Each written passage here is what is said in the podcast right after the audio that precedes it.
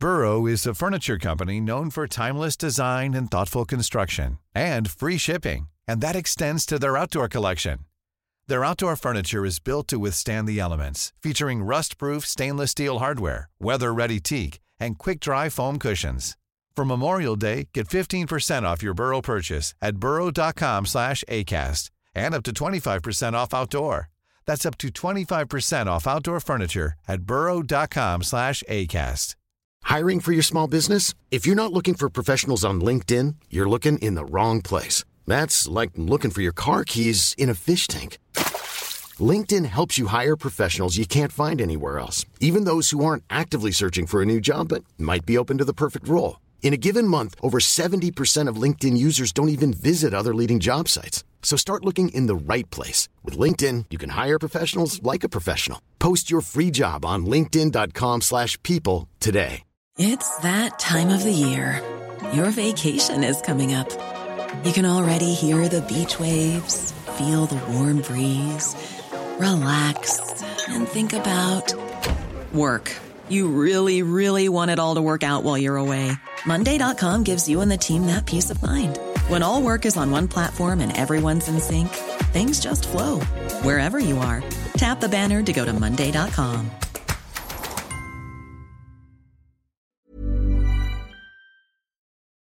Dette er en podkast fra Liverpool supporterklubb Norge.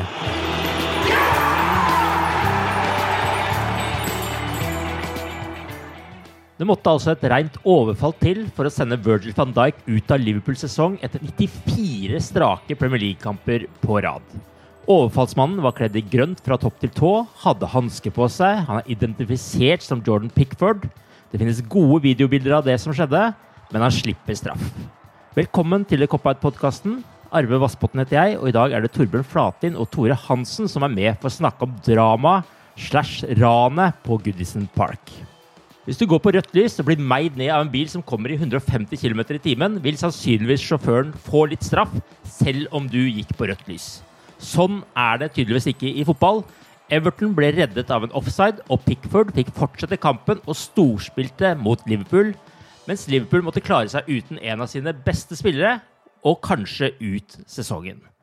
Det ligger noen føringer i det spørsmålet her, eh, Torbjørn, men eh, kommer det noe julekort til hoveddommer Michael Oliver eller VAR-dommer Torbjørn Flatin i år? Eh, nei, det gjør det nok ikke. Eh, så nei. det ligger vel bokstavelig talt i korta at uh, det blir ikke det. Men uh, nå har jeg vel tidligere for så vidt på en måte sagt at jeg syns uh, Michael Oliver normalt sett er en bra dommer, så jeg, jeg føler det største problemet med det, med det, kaoset der, er jo at uh, han ikke går bort til en skjerm og ser sjøl og tar en avgjørelse. Jeg er klar over at han uh, var i nærheten av situasjonen, han så situasjonen, uh, men jeg tror det. Hvis han hadde sett på en skjerm og sett det fra litt forskjellige vinkler, så hadde avgjørelsen blitt en annen. og for meg er litt det største problemet.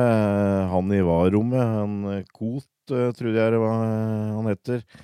Eh, må du lure på eh, hva han driver på med. Han har vel et lite rykte og fått etter hvert at eh, det har kommet en del rart fra han, men eh, Nei, det Men samtidig så, så, blir det på en måte veldig overskygga av, av, det som skjedde med van Dijk. Altså at jeg er litt usikker på hvor mye jeg greier å hisse meg opp på, på de enkelte uh, dommere og involverte der, men uh, det er et eller annet med systemet som uh, akkurat nå er fundamentalt gærent, og, og, som det må gjøres noe med. jeg kommer sikkert tilbake til det, men Nei, det, det, var surt, og det var, det var vel Klopp som sa at det var ikke vår dag, sa han, og det, det er vel the understatement of the year, for å si det sånn. Hvordan syns du denne situasjonen skulle vært håndtert da, Tore? Rødt kort. Greit. Nei, altså det er jo Det, det blir jo litt sånn eh, Hvor, hvor begynner man og, og alt det der. Men um, det, det, er jo når, støv får lagt seg, så er det jo litt vi, vi, snakker om folkene involvert her, og det er jo der det ligger. Teknologien er jo der for å brukes. Men uh, mm. i, uh, i, det kaoset uh, som oppsto der med to store situasjoner som, som skulle vurderes, så har vel Liverpool fått, så vidt jeg vet, to forklaringer fra hva skal vi si, fotballmyndighetene. da, og Den ene var at han Koht ikke egentlig vurderte eller så så mye på den Pickford uh, van Dijk-situasjonen og konsentrerte seg om uh, offsiden. Ja. Uh, den andre forklaringa, som kom, vel kom fra dommersjefen, og det, det, gjør det jo nesten verre, var at de vurderte Pickford van Dijk-situasjonen, men ikke fant at det kvalifiserte til, til kort. Okay. Merkelig. uforståelig. Når, når opplagte hendelser skjer, og du føler at uh, fotballen, gamet, har steppa opp og investert i teknologi. Uh, for noen år siden så, så, så ble dommerne eh, fristilt fra all jobbing. Det er mye profesjonelle dommere. Og så klarer de ikke å, å fange opp en helt, helt sånt opplagt situasjon. Om det er lynet som slår ned og totalt blackout hos alle involverte det, det, vet jo ingen. Det som er, er sikkert, er at eh, situasjonen prega kampen. Pickford var en av Evertons beste spillere. Var en god dommer. Blir vurdert etter de store avgjørelsene i kampen, og her bomma Oliver grovt. Uh, og uansett teknologi, uansett hva som eh, hva skal jeg si, er, er, lagt opp til å, å, å hjelpe dommeren, så, det, så, må det være hoveddommeren, eh, Michael Oliver, som, som, sitter med, og med hovedansvaret, sånn som jeg ser det. Så I all denne frykten da, for hva som hadde skjedd med van Dijk, så fikk vi jo en liten opptur på slutten av kampen da Henderson skåra 3-2-målet. Men så ble det målet annullert også. Eh, jeg kunne jo sagt liksom frarøvet, men det blir kanskje litt vel lada. men, eh, for det var jo kanskje en riktig avgjørelse. Men, men hva syns dere? Var det en riktig avgjørelse eh, at den, det målet ikke ble stående? Det er klart, nå, nå vikler jeg eller vi oss fort inn i en sånn der lang diskusjon om VAR og, og alt det greiene der. Jeg skal heller ikke si 100 eh, hva som var riktig i forhold til den offsiden, sånn, men eh, det, var vel var ikke et eller annet om at eh, hvis du skulle forandre en avgjørelse, så skulle det være clear and obvious. Og det var i hvert fall ikke clear and obvious, den avgjørelsen der. Og ja, denne diskusjonen her kommer til å gå, uh, fortsette, når det gjelder VAR og sånt noe. Så det, det, føles jo veldig surt, og det føles bittert, ikke sant, når Liverpool greier å løfte seg etter å ha blitt tatt igjen to ganger, og likevel greier da å få trøkt inn en helt på slutten der, og så og så blir den eh, omgjort eh, mm. pga. Eh, en albue eller et eller annet sånt, noe som er en centimeter innafor. Så eh, eh Jeg veit ikke. Jeg syns det, det, er vanskelig å, å summere opp, ja, men eh, det, det gjenspeila vel på en måte hele dagen. At eh, det var ikke vår dag, og det meste gikk imot. jeg syns det er liksom vanskelig å, å, si for mye annet. Altså, akkurat sånne avgjørelser kommer vi til å få både noen for og noen mot uh, utover, hvis det fortsetter sånn som det er nå. Men uh, det gjør jo ikke akkurat lett, lettere å, å, takle for det, da. Det, for det hadde, for det, det hadde vært veldig fortjent. Uh, det er i hvert fall helt sikkert. For det er klart, vi har jo ikke, Jeg har ikke gjort god nok research for denne podkasten på å se på alle gangene Liverpool har fått sånne avgjørelser i, i vår favør. Det, det, skal sies her. og men klart, and obvious eh, går vel på, på måte, fellinger og den type ting, mens uh, ja. på offside og sånn så virker det som millimeterne er, er, det det går etter uansett, ja. og hvor de skal måle det og, og sånne ting. Men, men, jeg er jo i utgangspunktet for at uh, man skal følge regelverket, og at ting skal være mest mulig korrekt. og og det beste er jo selvsagt at man klarer å fjerne skjønnsvurderinger helt fra fotballen, sånn at alt blir rettferdig sånn. Men Tidligere så skjedde det jo ofte at grove dommerfeil tidlig i kampen kunne kompenseres da, ved at man fikk et litt billig straffespark, eller i dette tilfellet la offsiden komme angripende lag til gode. Eh, når det liksom bare Når det ikke er mer eh, som skiller enn dette her. Altså Det er vel en sånn draktarm her som uh, liksom blir det avgjørende. Men, men syns dere regelverket har blitt for rigid nå, i forhold til at liksom uh, den, det ene kan ikke kompenseres med det andre, og det, det liksom er ikke liksom den samme flyten i det der som tidligere. Ja, Hvis jeg bare, for, bare fortsetter litt uh, der, for jeg, jeg, føler liksom altså For jeg, har egentlig alltid vært positiv til videodømming. Uh, men eh, Mm. det sliter jeg mer og mer med, holdt jeg på å si. Altså nå, fordi Ja. det har rett og slett uh, Jeg, jeg syns også, også i starten, eh, blant annet i VM, eh, hvor det var eh, liksom helt i Egentlig ganske innkjøringsfast. Du hadde vel hatt eh, noe sånn prøveprosjekt i noe ungdoms-VM eller et eller annet sånt noe før. Men da syns jeg det funka rimelig bra, for da var det en del situasjoner, annet noen straffer, som blei dømt eh, etter VAR, og som, som blei riktige etter mitt hue. Og da var det dommeren som eh, løp ut eh, sidelinja og sjekka videobildene, og da i enkelte tilfeller omgjorde eh, slik at det ble en riktig avgjørelse. For meg må det være et, et av grunnprinsippene at, eh, som Tore antyda i stad. Altså det, det er han som er dommer. Han må ha den siste avgjørelsen. Og, og han må ha Ja. eh, de eh, virkemidlene som er tilgjengelige, eh, og bruke dem. Bruke videoskjermen. Eh, sånn at eh, ok, det vil fortsatt bli gjort feil. Eh, Det vil fortsatt bli diskusjoner om hva du skal se på, hva du skal ikke se på. Men altså, da er det han som bestemmer. Det er han som gjør, alt. Og det, det bør ikke være noen diskusjon om han skal gå og se på den videoskjermen sånn. Hvis han er usikker, så går han og ser på den videoskjermen. Jeg er veldig usikker akkurat med det offside-greiene som du sier. For at ja, jeg syns absolutt det har blitt for, for eh, rigid, eh, det greiene der, altså. Nå, nå er det Hvor er det blitt av det at det skal gå angripende lag til gode. Altså, vi er interessert i å få se flest, mål, flest mulig mål. Jeg veit ikke jeg, jeg har ikke noe fasit på åssen du skal gjøre det. Jeg føler at hvis, hvis dommeren er usikker, så dømmer han mål. Altså, hvis, det er, hvis, det, hvis det er snakk om millimeter her, eh, og hvis ikke det greier å håndtere, så får vi kutte ut, rett og slett. Altså, det, sånn føles det nå. Fordi at eh, den, Mm. det opplegget som jeg så for meg, med at det skulle være et hjelpemiddel, og at vi skulle i hvert fall få luka bort en del dårlige avgjørelser, og i hvert fall få flere riktige avgjørelser enn eh, en feil avgjørelse, det nå, nå føles det ut som at det er, det er ingen som vil ha det. Altså, alle føler at det, det dreper noe ved selve fotballen, og det, det, blir feil. Nei, Jeg er nokså nok enig med, med, med Torbjørn at eh, her blir mye feil. I, i, og da tenker jeg egentlig litt i forbindelse med sånn fotball var før, og det som var utgangspunktet for å innføre videodømming. Det var for eh, det var for å få flere rette avgjørelser. Og, og, og det har antagelig skjedd, da, hvis en ser på tall og stats. Men så er det måten det skjer på, og hvorfor og hvordan det skjer. For det at eh, etter VAR kom inn, så er det egentlig endra fotballens spill på et vis. Og, og, og egentlig reglene sånn litt sånn ubevisst. For det at en dommer før, når han skulle dømme onside eller offside på, på en situasjon, så måtte han visuelt se at f.eks. en spiller for angripende lag sto i offside. Det gjelder ikke lenger. Nå er det ikke øyet som, som, som gjelder lenger.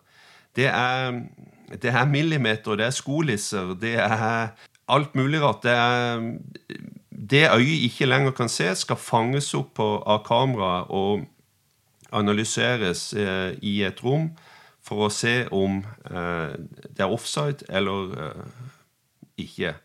Sånn at det som dommer før linjemann sammen med linjemann måtte fange opp med det blotte øyet, det er borte. Situasjonen eh, på lørdag, på overtid, på Goodison Park eh, Jordan Henderson setter inn 3-2. Har du ikke hatt VAR, så kan det godt være at det målet hadde stått. Antagelig hadde gjort det. Dommeren hadde ikke klart å Antagelig har sett ut som eh, Mané var helt på linje. Men videodømming gjør, med den analysegreia som er nå, at sånne mål ikke lenger står, for de finner ut at det er en millimeter offside, f.eks. Og det har endra fotballen, og det føler jeg egentlig aldri var målet med å innføre ny teknologi og innføre videodømming. Eh, så helt generelt, vi sitter litt i glasshuset, for nå, for nå gjelder det Liverpool. Vi, vi hadde vel eh, vi har fått sånn imot oss òg, for all del. Ja. Eh, den eh, siste jeg husker vi fikk med oss, tror jeg var Wulfs i, i romjula. Eh, der, der, var det vel 1-1-målet som, som, ble underkjent. og vi vant kampen. Men jeg syns det må ses på litt i, i forhold til egentlig fotballens grunnidé, og hvordan fotballen alltid er blitt spilt. Det eneste og, og så er det jo alt denne analysegreiene som eh, skjer i tillegg. Og i mitt hode Du kan si hva du vil, men i mitt hode så er det òg litt eh, Altså de bildene de får, så er det òg vurderinger de i bua må gjøre ut ifra bildene. Og det er de samme folkene som ikke så at Pickford skulle ha rødt kort. Så der er, systemet er der på en måte, men det må brukes rett. Én måte å gjøre det på hvis en skal ha svart-hvitt, altså millimeteren skal telle, da må, for at det skal funke både effektivt og troverdig, så må det være en teknologi som er på linje med Goal Line Technology. Selv om det òg har feila. Iallfall én gang. Men det må være på det nivået, for det, det har vært bra. Det har løfta fotballen, det har gjort det enklere for alle. Sånn at straks en, eh, en spiller eh, en situasjon, eh, Det oppstår en situasjon, så, så vil en, en, en, sånn type teknologi fange opp om man er, er 1 millimeter offside, og nesten på sekundet bare si Sorry, det er offside. Og da det, det, vil folk stole på, det vil folk akseptere, og det kommer kjapt. Men sånn som det er nå, så er jeg veldig skeptisk på, på veien videre. Uavhengig av alt det andre, hvordan syns dere Liverpool fremsto i denne kampen etter eh, braktapet mot Aston Villa i kampen før? Kampen i seg sjøl var jo veldig positiv. Og uh, å ha gått fra Gudesen med 3-2 hadde jo vært eh, fantastisk. Har vi sett tilbake på denne, denne, kampen nesten som en ny sånn uh, historisk liten uh, kamp mot, mot Everton.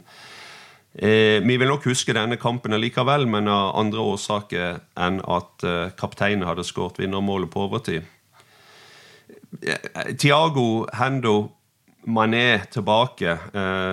stor, stor forskjell. Og, og både Mané, som vi vet har storspilt både forrige sesong og så langt denne sesongen.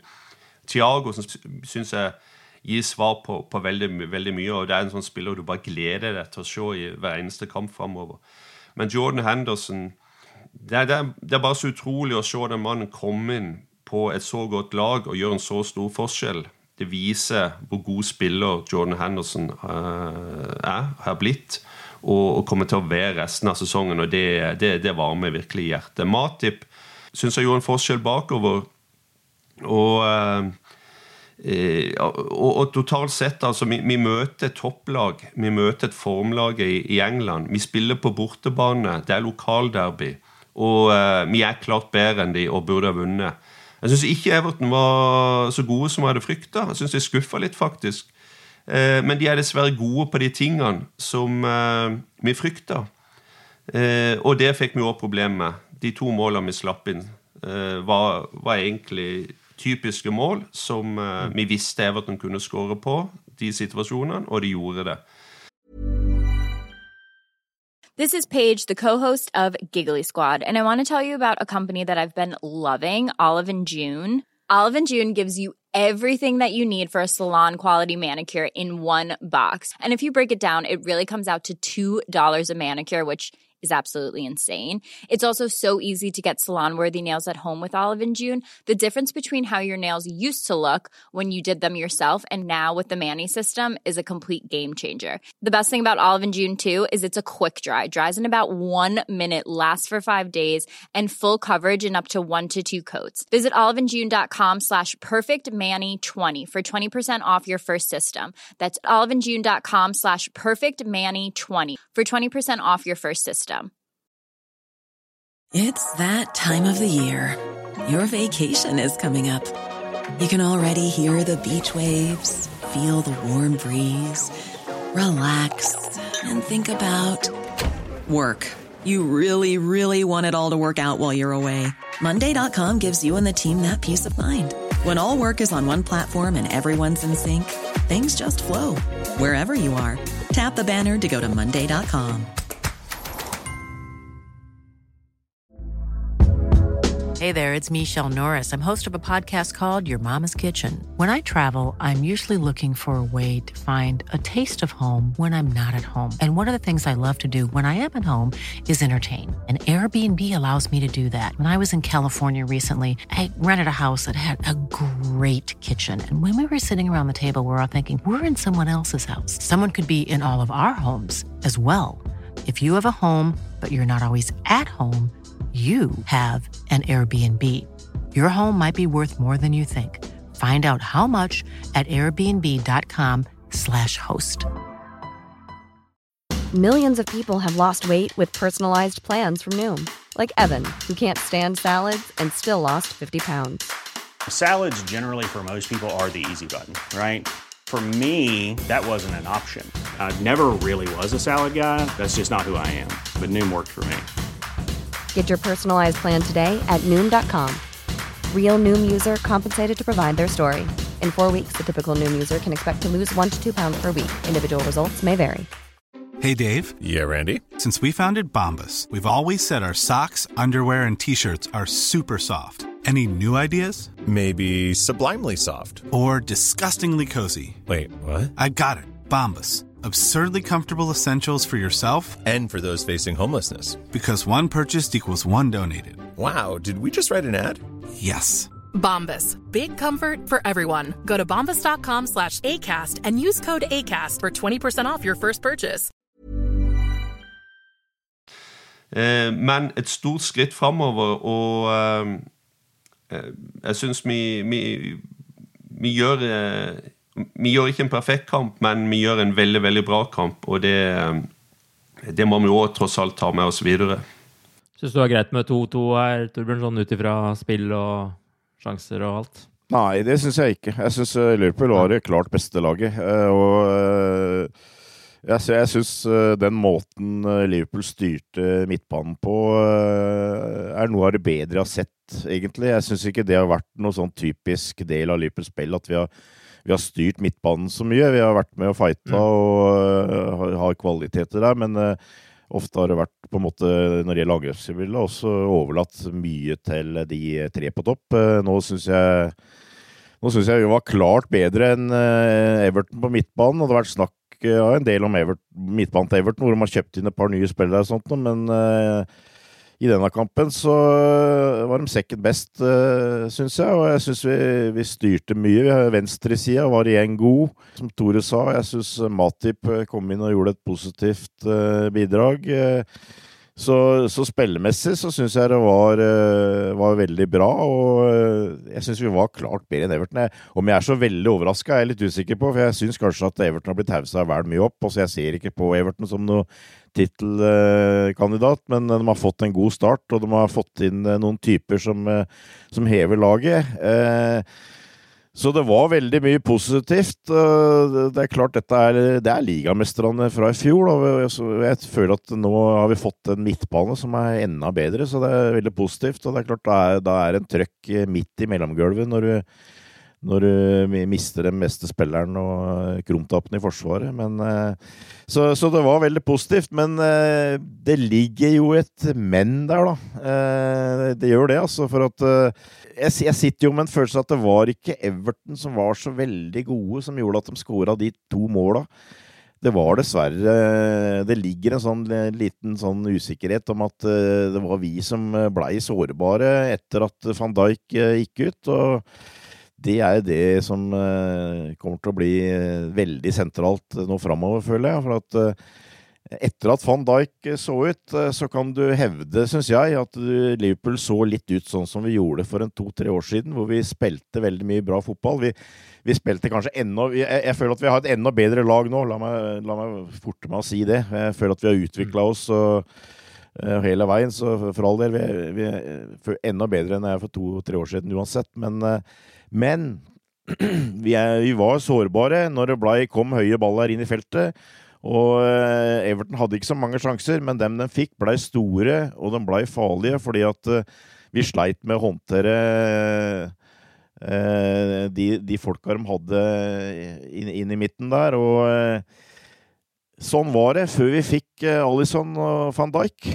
Nå var dem borte, og vi sleit med å håndtere det igjen. og det er det vi må løse framover. Nå får vi heldigvis uh, Alison, uh, som jeg også tror kommer til å styrke midtforsvaret. For det har med, med en keeper som uh, er god til å time og komme ut i feltet. Det er en keeper som kan svipe. bedre enn det Adrian gjør. I tillegg så må det midtbane, midtstopperparet nå framover som Klopp setter opp det må kunne greie å håndtere det, sånn at vi ikke blir sårbare på en dødball bakover eller en eh, kontring bakover. Det ligger der, eh, og det er det som blir veldig spennende. Men, men, totalt sett så har vi et veldig bra lag, og vi spilte en spillemessig bra kamp. Og jeg syns absolutt at de som sier at 2-2 var greit, eh, det er jeg helt uenig i. Nå fikk jo forsmak med Gomez og Matip her, men hvordan skal dette fraværet til van Dijk løses framover? Vil man på en måte se en endring i måten man spiller på i forsvar? At man ikke vil sette linja så høyt og sånn? Eller hvordan, hva tenker dere kommer til å skje her? Og ikke minst, har Liverpool god nok tropp til også å takle dette her? Det, der var det mange gode spørsmål, egentlig. Eh, for å ta troppen først, da, så eh, så har jo den eh, enkelte hull, da. Det, det, er jo vanskelig å ha en perfekt tropp. Det er vanskelig å ha fire svært gode midtstoppere. Eh, du følte kanskje at eh, at den hadde det når uh, Lovren var der. Samtidig så hadde Lovren òg sine kritikere, og på, et, et, vis så syns jeg det var greit å hva skal jeg si, ta et oppgjør med Lovren. Skal du beholde han eller ei? Og vi, vi valgte å selge han. Mm. Og en må tenke på at hadde vi beholdt Lovren, så hadde ikke Fabinho spilt i, i midtforsvaret mot Chelsea borte. Kanskje litt et tankekors. Kanskje ville den ene obligatoriske feilen Lovren normalt gjør i en kamp, gitt uh, Werner en, en, eh, et mål. Hvem vet? Så det blir litt sånn uh, ifs and buts og uh, lett å, å, å, å, snakke om når en sitter med, på en måte med fasit når en har fått en langtidsskade på en midtstopper. Et valg du må ta uh, ut ifra det du vet der og da, og det er det egentlig Liverpool har gjort. Eh, men det, det, er en, det, er en, svakhet der, og spesielt med de to som vi, vi sitter igjen med, som faktisk ikke starta en kamp sammen før. Det er nesten litt utrolig, men eh, mm. det er jo uh, sant. Og, men nesten, altså det som er verre, er jo skadestatistikken til begge spillerne. Eh, Matip har vel nesten ikke spilt eh, tre kamp i uka på over et år, så Eh, det blir, dette, blir, dette, blir, tøft. Eh, det er, det er, egentlig helt sikkert. Og hvem og hva som kan gjøres eh, på de to, to og en halv måned som er igjen til, til, til, til vinduet er åpent, det får vi jo se på. Men 1.1 så, så tenker jeg jo at uh, Jørgen Klopp Eh, sitter med en uh, veldig bra pekepinn på hva de bør foreta seg i, i det kommende transfervinduet. Hva var det andre du spurte om? Tror dere det kommer til å endre noe av måten Liverpool spiller på ja. i forsvar? Altså At man ikke har, setter linja så høyt som man gjorde da når man hadde van Dijk og Ja, ja helt, helt, klart i mitt hode iallfall. For uh, du har to faktorer der som uh, og vi var, sto vel egentlig ikke så høyt på Gud sin helse som vi har gjort i enkelte andre kamper. Eh, det, det, har med keeper, det har med, med van Dijk, som eh, er så, såpass rask og, og, flink til å lese spillet at han, han står bak oss der og styrer troppene. og det, den, den, mannen har vi ikke lenger. og jeg tror vi må tenke litt mer safety first, altså. Og ikke minst i forhold til hvem som, som, som står på på streken bakerst. Eh, kom Allison inn, forandrer det litt av eh, spillet vårt, selvfølgelig. Han er god til å svipe, han er god til å lese spillet, han er trygg, sikker, oser autoritet, trygghet. Så det, det, for, det forandrer litt, men eh, helt klart uten uh, våre to beste forsvarsspillere, så, uh, så forandrer det måten vi må, må tenke å spille på. Før jeg går over til Torbjørn, er det Gomez og Matip som er ditt foretrukne midtstopperpar nå framover? Eller hvordan ser du på det? Det er, det er, jo egentlig det. Jeg syns de bør få en, få en sjanse. Jeg vet at altså Vi har sett hva Fabinho kan gjøre denne sesongen. Jeg tror han har spilt fire kamper som, som midtstopper for Liverpool totalt sett. Men han er en midtbanespiller. Det ene er at vi, vi trenger han egentlig på midtbanen i en god del kamper. Det andre er at han vil eh, kunne bli utfordra av, av, gode spillere utover sesongen på, på, fart og plassering og forskjellige ting. Og, eh, så en god kamp er litt tynt grunnlag. Vi vet han kan komme, bli trukket ned og gjøre gode jobber, og det skal vi være veldig glad for. Men eh, det er noe helt annet i hvert fall, å, å spille der i to-tre måneder. Så utgangspunktet så vil jeg, ja, eh, så vil jeg gå videre med, med Matip og Gomez. Eh, men så får vi jo se hvor, hvor lenge de to varer, da. Før de må mm. ut på behandling og eventuelt bli få skader. Eh, Matip var jo på sykehuset var det fred, lørdag kveld eller søndag formiddag og hadde en sjekk. Så de har kropper begge to som uh, ikke egentlig tåler tre kamper i uka, altså. Ja, dessverre. Da skal du få lov, uh, Torbjørn. Er det Gomez og Matip du foretrekker også? Jeg tror det kommer til å være utgangspunktet. Og som Tora var inne på, da får, du, kan du i tillegg ha Fabinho som midtstopper. Så da har du på en måte tre stykker, spesielt på defensive dødballer. Eh, da har du alle tre der. Eh, men så må da Matip og, og Gomes eh, håndtere det og spille der. For hvis ikke så tror jeg kanskje Klopp kan bli frista til å gjøre noen forandringer. og jeg jeg innbiller meg det at måten Liverpool kommer til å legge opp forsvarsspillet på, vil være ganske avhengig av hvilke spillere som er der. Jeg følte vel at mot Chelsea, hvor hvor det var litt av såkalt forsvarskrise, og at Fabinho måtte inn i midtforsvaret, så sto, sto Liverpool litt lavere. Mens jeg, jeg, tror det at hvis Gomez spiller, og han har Alison bak seg, så tror jeg fortsatt Liverpool kommer til å stå ganske høyt. Jeg er litt, litt redd for at hvis det blir ryggende for, for langt tilbake Eh, med den oppstillinga der, eh, at eh, det er motstandere som kan utnytte det. Så, så det, det, tror jeg kommer til å på en måte styre åssen Klopp legger opp til, hvilke type spillere han har der. Men det, det er jo veldig mye snakk om nå at det skal mulig at Liverpool må hente inn en ny en. Men jeg, jeg tror det at nå har vi to måneder, to viktige måneder, og så får vi se hvordan vi greier å takle dette. Og det tror jeg kommer til å prege veldig mye hva Liverpool gjør òg.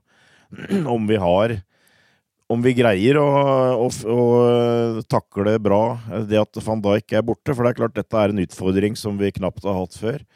Så mm. eh, som sagt, det, er, det, er det, det store spørsmålet altså det, er, det er jo det som er det er det som er det negative her. Det er det som er litt skremmende. At uh, vi, er, vi, er, nødt til å kunne håndtere det der, altså. Men, uh, men det, er jo, det, er jo, også det sånn at du, du, forsvarer deg som et lag.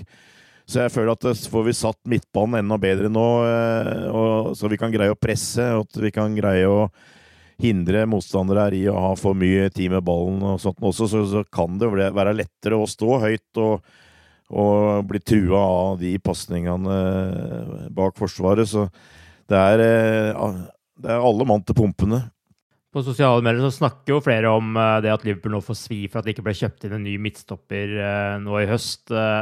Har dere tro på at det vil utlyse et nytt kjøp til jul? Og hva slags spiller vil man, man i så fall se etter da? Er det liksom en toppspiller som vil være sånn naturlig eh, makker til van Dijk når han kommer tilbake, eller er det mer en slags reservespiller, eh, en uh, Klavan-type eller en unggutt, eller hva, tenker dere man vil se etter? Det er ikke lett å svare på, syns jeg. Uh, jeg det, siden Liverpool ikke handla, så har de vel ikke vært så veldig opptatt av det, vil jeg tro. Og mm jeg antar jo det at Klopp ser for seg at Gomez kan bli en, eh, en toppspiller, men han har liksom ikke helt greid å, å ta det siste skrettet, føler du kanskje? Altså, det mangler lite grann der, men altså at potensialet er der, selvfølgelig. Eh, og at hvis du da henter inn en eh, en eh, relativt ung midtstopper til 50 millioner pund, så på en måte så, du, så stopper jo han at det kan være en, en, en oppfatning. Men noen ganger så må du, må du bare agere, og hvis det blir sånn at vi sliter med å, å, håndtere høye baller inn i feltet, sånn som vi gjorde mot Everton, så må det hentes inn en ny stopper, og, og, da vil jeg jo tro at da blir, henter du en som virkelig kan stå, stå fram i, i duellene. I luftduellene spesielt, kanskje. Uh, jeg, jeg, ser for meg det, altså, men det vil avhenge veldig av hva som uh, skjer framover, føler jeg. Altså, det, det, Klopp har vel Det er vel ikke noen tvil om at uh, det kan godt hende at Liverpool har en midtstopper på blokka. Det kan godt hende at de, de sjekka det, men at det av, en eller annen årsak ikke blei at de henta i sommer. Men samtidig så sitter det jo med en følelse at Klopp uh, samtidig følte at dette her skal vi kunne håndtere, og da ut fra det som blei gjort mot Chelsea, så vil du jo tro at Fabinho da blei regna som den fjerdemann. Altså, normalt så eh, vil du regne at du skal ha fire habile midtstoppere her i en tropp.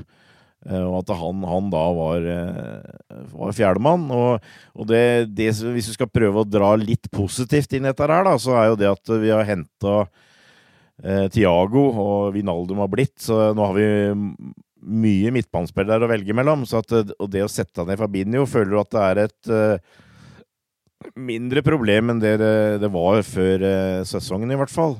Så eh, sånn sett så kan vi takle det, men eh, jeg syns det er veldig vanskelig å komme med noe fasitsvar her. Altså, det, det Som sagt, nå, nå får nå får de spillerne som er der, muligheten til å vise seg fram, og nå er Nå det, det, som skjer nå de neste ukene, det, det, det, kommer til å prege de avgjørelsene som blir tatt.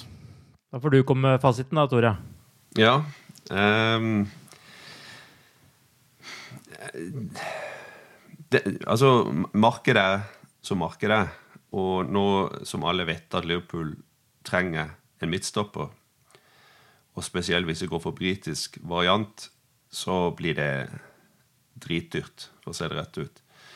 Så spørsmålet er jo litt uh, hvor vi står hen uh, sportslig sett. Uh, har vi er vi fem poeng fra toppen, og du føler at Forsvaret er akilleshælen, så, så kanskje de legger store penger på bordet. Blir, blir det for dyrt, og vi er fortsatt midt i en pandemi, koronaøkonomi, så så må de kanskje gå for noe eh, billig, men eh, rutinert. Eh, kanskje låne ut sesongen. Mm. Så det er, det er, som Torbjørn sier, det er veldig vanskelig spørsmål å, å svare på. Men eh, jeg kan nesten ikke se for meg nå at ikke vi må handle. Eh, for eh, de regner jo med at den korsbåndskaden van Dijk har pådratt seg, eh, er minimum seks måneder. Og begynner du å regne fra 1.11., så, så er han ute eh, til 1. mai da, på seks måneder. Og ja. det kan fort bli sju måneder. Ikke sant? Mm. Da er egentlig hele sesongen gått. Så mm. det er en uh, formidabel utfordring uh, Klopp uh, har foran seg. Det blir kanskje hans største test sånn sett i karrieren, selv om uh, han har spilt uh, leder Liverpool i mange store kamper, mange viktige finaler og, og alt det grann der. Men uh, nå må han tenke nytt, annerledes, og få noe til å fungere som utgangspunktet ikke er, er veldig enkelt. Du, du, drømmer jo om at en av de som er der nå. Altså, du, du kan ikke forvente at uh, van Dijk kommer til å spille mer av sesongen her. Det må være tankegangen. Og, men du, du, drømmer jo om at uh, Gomez uh, skal ta ansvar og føle at dette er hans virkelige sjanse til å stå opp og, og, og bli en profil i Forsvaret. Eh, Joel Matip, eh, 29 år. Eh, er han en type som kan gå inn og ta over en litt annen lederrolle enn det han har hatt før, f.eks.? Eh, kan Fabinho komme ned? Eh, en, en spiller som har spilt back eh, og, og defensiv midtbanespiller for Brasil. Kan han gå inn og finne en ny eh, rolle på en måte som midtstopper? Altså, det er vel historien Historie har vist at det har vært mulig før. altså Emily News eh, starta som sentral midtbanespiller og spilte eh, venstreback for England. Eh, kan han gå ned og bli en sjef? Det er jo det du drømmer om, at i hvert fall en av de spillerne på en måte tar et ekstra ansvar og utvikler seg ved at det rommet som van Dijk etterlater seg, på en måte blir ledig der. Og, og, og beviset på det kommer nå. Mm. Hvis de ikke gjør det, så må noe bli gjort. Uh, men jeg, jeg, føler ikke at jeg Jeg, jeg syns det er vanskelig å sitte her og si at vi må kjøpe i januar. Men det, det avhenger av hvis vi ikke får det til å funke, nå, uh, hvis det er for mye grufs bak, hvis vi slipper inn for mange billige mål, så må vi i hvert fall gjøre noe i januar. Uh, mm. Men jeg det, det, det, er rett og slett uh, det, det, Proof is in the pudding. Altså, det er de kampene som kommer nå framover, som blir veldig avgjørende. Men det er klart, det er der, der øya blir retta nå framover. Eh, det er jo ikke noe tvil om. Altså, så vil jeg også si at det blir liksom uh, uh, Altså, det, det, er jo skadehistorikken til de to da som er akkurat nå på en måte veldig bekymringsfullt. Spillerne i seg sjøl er to veldig gode spillere. Det, det, føler jeg av og til kommer litt bort. Eh, for det at en måler he hele tida mot uh, van Dijk, som er kanskje verdens beste. ikke sant? Så, eh, men jeg mener helt seriøst at Mati på sitt beste er helt oppe der. Han, uh, han har Han stort toppnivå. og helt klart. Jeg tror han kan eh, på en måte ta over litt av den eh, kommandolinja bakerst, eh, for å si det på den måten. Gomez har helt klart potensial til å komme opp helt helt på toppnivå i, i Europa når det gjelder midtstopperspill. Han er ikke der helt nå, men er 23 år. Eh, han har eh, fremtida foran seg. og Kanskje trenger han litt nye utfordringer. Kanskje trenger han uh, en, uh, en mulighet til å vise kompisen sin uh, hva de skal gjøre når han er skada. Hvem vet? Men skadehistorikken er, taler veldig mot dette prosjektet, da, og det, det, er der jeg personlig har det store spørsmålstegnet. Altså. Noe annet vi har fått føle på i starten av sesongen, er jo fraværet av Alison. Og all ære til Adrian for det han gjorde som vikar i starten av fjorårssesongen. Men denne sesongen har han kanskje ikke levert eh, på det samme nivået. Hva, hva tenker dere om eh, Adrian så langt? Og burde Liverpool også her skaffe seg en bedre reservekeeper? Det syns jeg òg er et vanskelig spørsmål, selv om jeg registrerer jo at de aller fleste mener at det må vi gjøre. Eh, få tak i en mm. keeper, og jeg skjønner det argumentet. Eh, jeg har blitt eh, overraska over Adrian på, på, både på den ene og andre måten. for jeg, jeg så han en del i Westham, og når han ble henta så, så følte jeg at det var en helt grei keeper, men jeg jeg visste at han gjorde ei annen uh, tabbe, at han, var, han uh, kunne være sårbar for det. Men uh, samtidig så følte jeg at han var en rutinert keeper som var ganske sterk psykisk. en sånn type som ikke lot seg prege av tabber og sånt noe. men de første kampene i starten av forrige sesong, da syns jeg han spilte over det jeg hadde forventa. Men når det først, når det først begynte å gå gærent, så er jeg blitt uh, overraska negativt over at han nærmest ser ut som har uh, hva skal jeg si eh, ikke takla det i det hele tatt. Altså, nå, nå, nå Mm. føler du at han er et sånn eh, Om ikke nervøst vrak, så, så er han rett og slett shaky, altså. Han, han, Mm. han, han, blir prega eh, av det. Og, jeg, og det er vel ikke noe tvil om at lagkameratene hans også er prega av det. At han ja, gjør så mye feil. Og han gjør ikke bare feil, men han virker usikker. Eh, Mm. og det, det overraska meg negativt. Det, tro, det trodde jeg egentlig ikke. Og eh, det er klart, hvis, hvis det er sånn, eh, så, så må det gjøres noe. Og, eh, men eh, jeg er veldig det, jeg vil regne jo med at staben i Liverpool har på en måte bedre oversikt og, og tenker noe av det samme. liksom eh, eh, Kan vi stole på han i det hele tatt? eh, ikke sant? Eller, eller er det sånn at eh, han trenger en skikkelig god opplevelse, han trenger en skikkelig kamp, så er det litt på plass igjen? altså. Eh, Det er vel i hvert fall ingen som trenger mer en god kamp enn Adrian nå. Det, er det er i hvert fall brennsikkert. Så jeg, så jeg er veldig, veldig usikker på det. Men altså igjen, altså Liverpool som klubb altså hvis du Altså det er ikke noe Det er ikke noe spøk å spille for Liverpool FC som keeper, altså. Det er et stort press. Uh, Sjøl uten tilskuere her, så, så er det et enormt press, et enormt søkelys og sånt noe. og uh, hvis du ikke, ikke tåler det, så, så må du bare gjøre noe.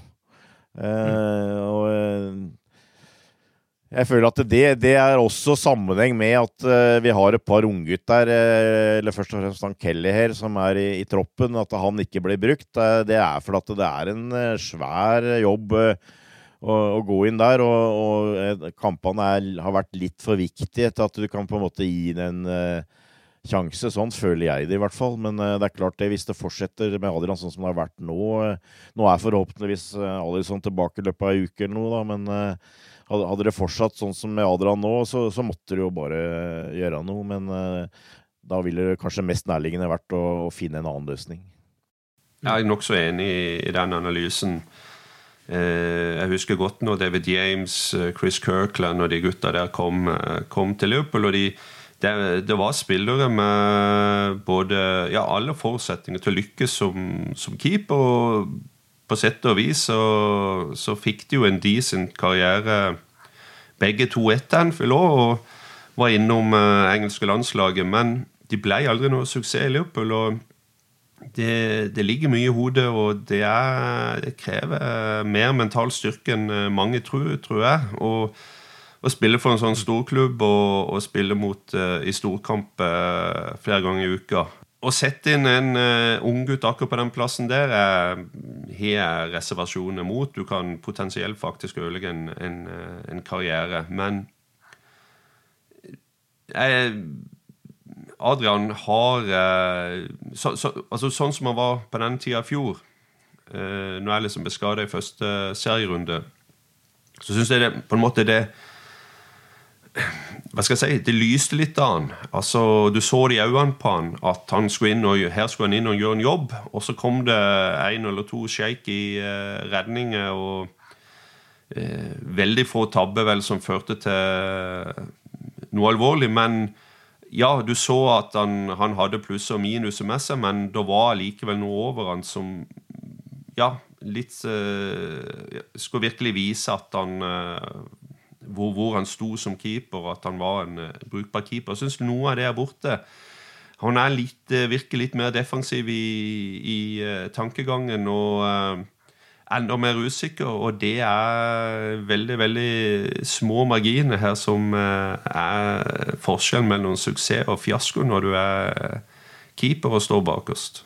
Så ja, jeg er veldig, veldig spent på, på den videre. Men uh, bare før vi slipper den helt, uh, bør Liverpool se etter en ny reservekeeper i januar? Ja, det, Igjen så syns jeg det er litt vanskelig å svare på, men uh, det, det, det vil avhenge av hvordan staben ser på Adrian. Altså, men ja, sånn som det ser ut nå, så syns jeg det. for at du, du, må ha en keeper som du føler kan takle det, men altså det, jeg, jeg, følte du, du, satt jo, du satt jo egentlig og følte at Adrian takla det eh, første halvdelen av forrige sesong. Altså Han hadde ei og annen tabbe da. Han hadde vel blant annet en brøler i Southampton som Ings uh, utnytta, men, men, den kampen vant vi allikevel. Uh, og han, og liksom, ja, ja, han, han rista det av seg. altså Han var i flyten allikevel, og, og hele den pakka her. Men altså, jeg tror så, så gjorde han et par tabber som gjorde at vi, vi røyk ut av et par cuper, blant annet ikke minst i Champions League mot uh, Atletico Madrid. og og det har prega han, det virker det på meg. Og hvis du har en keeper som lar seg prege av sånt, så kan du ikke ha han i Liverpool. Altså, da, da, må du finne en annen uh, rutinert type som om ikke er en kjempekeeper, eh, det, vi snakker om reservekeeper her, så må han kunne ta, takle og, spille på den store scene. Hvis jeg, hvis jeg, hvis jeg får et sånn ja-nei-spørsmål, så ville jeg vel sagt ja, vi bør uh, se etter mm. noe annet. Men igjen, det er to måneder til januar, altså mye kan skje. Ja, det er litt sånn Som Drubjørn sier, må svare ja eller nei, så svarer jeg ja. Uh, men ja. Og, og, det går litt på det at uh, når, når, jeg ser på kroppsspråket til Adrian nå i forhold til i fjor høst, så syns jeg det er stor forskjell. Det, det virker nesten som man uh, ja, hvis skal si, sette litt på spissen, da, nesten som ikke han har lyst til å stå i målet. Stå der han står og under kampene. Og um, han er, virker mye mer defensiv i, i, i, tankegangen. Håper jeg tar feil, men det er sånn jeg, sånn jeg føler det. Og det er egentlig den største bekymringa.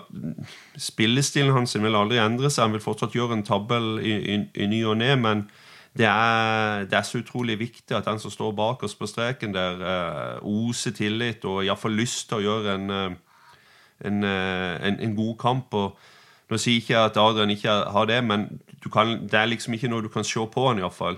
Eh, Bruce Globelar, en annen keeper som eh, fikk en lang og solid og god karriere på Anfield, han kosta oss kanskje to exit i, i serievinnercupen tidlig på 80-tallet. Men han, eh, han, hadde likevel det som trengtes for å, eh, for å lykkes eh, som keeper i en så stor klubb. Og der er jeg litt usikker på om Adrian er, altså. Du, du må, skal du være keeper på det nivået der, så må du være en sjef. Altså, du, du, må, du må dirigere de foran deg. Du må på en måte tørre det. Du må ha sjøltillit til å gjøre det. Eh, du må ikke gjemme deg. Du må ikke synes synd på deg sjøl. For nå går det så dårlig for meg at jeg er nok med å passe på meg sjøl. Du må bare på en måte legge bort det. Og så gjør du ei annen tabbe, så må du må du ha syke nok til å skyve det unna. Og det trodde jeg egentlig Adrian hadde. Det var sånn han på en måte framsto. At sjøl om du gjør deg kjempebrøler, så, så, skriker du på midtstopperne dine i neste angrep at de skal gjøre det og det. Uh, du holder ikke kjeft fordi at du har gjort den tabba, liksom. Men uh, jeg føler at nå, nå, har han ikke den autoriteten lenger, og, og, det er skummelt. det det, det føles skummelt ut. Og, og, og, det er nok kanskje den posisjonen på banen hvor, hvor, det er vanskeligst å komme tilbake når du har hatt et par smell her. Så hvis det er liksom øh, følelsen, øh, også, også, innad i trenerstaben i klubben, så, så må det gjøres noe. Så det, det, det, er vel svaret på det. Men ja, det, det er, det er et vanskelig spørsmål. Denne uka så begynner jo også Champions League med Ajax-kamp på onsdag, og så er det Sheffield United til helga, og nye kamper hver midtuke og helg fram til Manchester City er motstander 7.11. Regner dere med at eh, det vil bli mye rotasjon nå? og Hva slags spillere tenker dere at vil få flere muligheter til å vise seg fram nå enn det de har hatt eh, til nå? det, blir nok, eh, det blir nok det. Ikke, ikke mye, men en, en, eller to spillere her og der, det, det forventer Stammen i laget er satt. Mm, og og Klopp er Klopp, han, han, liker å ha en fast, liten stall på kanskje 17-18 spillere. Og, og, men, men, den vil bli brukt. nå er det jo skade òg nå, så altså, Tiago spiller vel ikke på onsdag. og han godeste Vinaldum kom, kom, inn på, på midtbanen, f.eks. Yota vil kanskje Eh, få en kamp eh, fra start i ny og ne nå neste, neste uke. Og, og eh, vi snakket om det i forrige podkast, eller var det den før der igjen, at uh, Firmino kanskje trenger en push bak. og uh, Så det er, er, muligheter til å, til å, sette inn uh, bra spillere. eh, i, som, som, holder et høyt nivå, uten at eh, det, det, det, det kanskje overhodet svekker laget. Og spillere som en har lyst til å se mer av, spesielt Yota fra, fra, start, hvor mye han kan tilføre. Så, men når det gjelder ligaen og, Champions League, så blir det ikke de, de store det blir ikke den store rotasjonen. Det er ikke, det er ikke ligacup, det er ikke FA-cup, dette. Så, men én og to spillere her og der, det, det vil nok det, det, bli. Nei, altså det er, det er, jo Champions League og Premier League som er topp pri. Og, det, og, og det, kommer en veldig viktig periode nå. Eller det er egentlig veldig viktig Det er viktig hele veien, selvfølgelig, men det er viktig fram til uh, nyttår. Eh, hvor du kanskje kommer FA-cupen, hvor du føler at det er mer naturlig at han hviler spillere. der. Så jeg tror det blir egentlig minst mulig rotasjon uh, i og for seg, men altså noe, noe rotasjon er det nødt til å bli, og kanskje kommer han til å bruke litt forskjellige spillere her i Europa på enkelte kamper, tror jeg. Eh, mm. Kanskje justere litt på formasjon. Eh, Eh, jeg føler jo det med Tiago inn, så har du kanskje enda, og, og for så vidt Yota òg, har du enda større mulighet til å f.eks. bruke 2-3-1, som man brukte mer i Dortmund-Klopp. Eh, og en type som Minamino, f.eks., som, ikke, som jeg ikke syns har gjort så veldig mye gærent. Får kanskje en mulighet mot Midtjylland. Eh, eller, eller, i kamper i Champions League. Og Yota det tror jeg helt sikkert kommer til å få en del, eh, del spilletid etter hvert. og sånt, Så han kommer til å justere, men det er ikke noe tvil om at det, eh, det er full prioritering eh, framover nå, føler jeg, i en viktig periode. Og det er Champions League og det er Premier League det dreier seg om. Med van Dijk ute så lenge, så er jo spørsmålet jeg må stille til slutt om dere fortsatt har tro på at Liverpool kan vinne ligaen i år? Ja, det, det blir nok en uh, annerledes sesong det er godt mulig det hadde blitt det uansett, fordi at uh, de to hva skal jeg si, sterke ligasesongene vi har lagt bak oss, det Vi glemmer egentlig raskt hvor, hvor bra de, de, de, var, men det er klart at med en verdens beste midtstopper ute, med den ja, kapteinstypen bak oss, den som oser tillit, og som setter standarden, og som stå fram med brystet eh, i, i, hver kamp. Eh, det er klart at du tenker mer 2017 enn 2019 da, når det gjelder Liverpool. Det, det må jeg innrømme. Eh, men eh, at vi skal være oppe der med en god shout, og, og spesielt egentlig basert på det settet av de andre lagene nå denne sesongen, så syns jeg det er opplagt at vi kommer helt klart til å henge med helt, helt oppi der. Eh, og jeg tror det er ekstremt viktig nå å komme ut av at ikke vi må grave noe grøfte for oss sjøl men å begynne å tenke litt mer konstruktivt og positivt, og ikke la Gudisen f.eks. få overskygge alt de neste ukene. Eh, det passer ikke Liverpool å, å sitte og synes synd på seg sjøl. Det, det, det, er masse muligheter her. Vi har et godt lag, vi har en sterk stall, vi har bra spillere. Eh, men vi er svekka, og vi er svekka i kampen om gullet men vi er ikke ute av, av gullkampen. Godt oppsummert, det. Torbjørn, hva tenker du?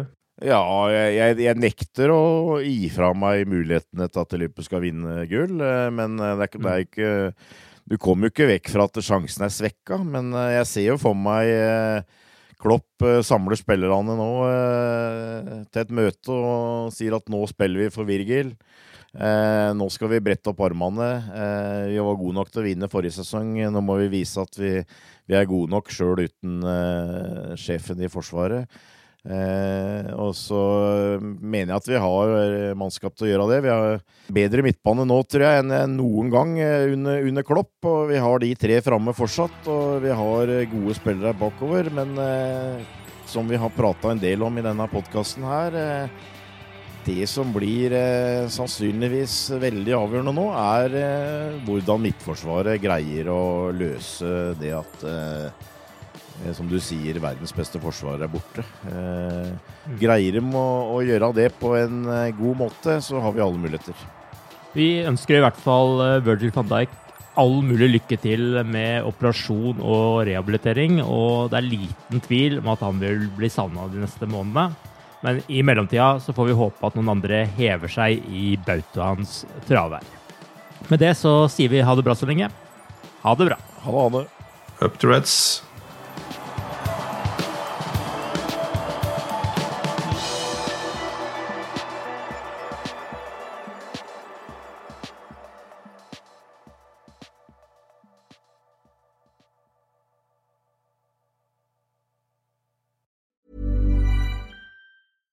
Want flexibility? Take yoga. Want flexibility with your health insurance? Check out United Healthcare Insurance Plans. Underwritten by Golden Rule Insurance Company, they offer flexible, budget friendly medical, dental, and vision coverage that may be right for you. More at uh1.com. Hi, I'm Daniel, founder of Pretty Litter. Did you know cats tend to hide symptoms of sickness and pain? I learned this the hard way after losing my cat, Gingy. So I created Pretty Litter, a health monitoring litter that helps detect early signs of illness by changing colors, saving you money and potentially your cat's life. Pretty Litter is veterinarian developed, and it's the easiest way to keep tabs on your fur baby's health right at home. Go to prettylitter.com and use code ACAST for 20% off your first order and a free cat toy. Terms and conditions apply. See site for details.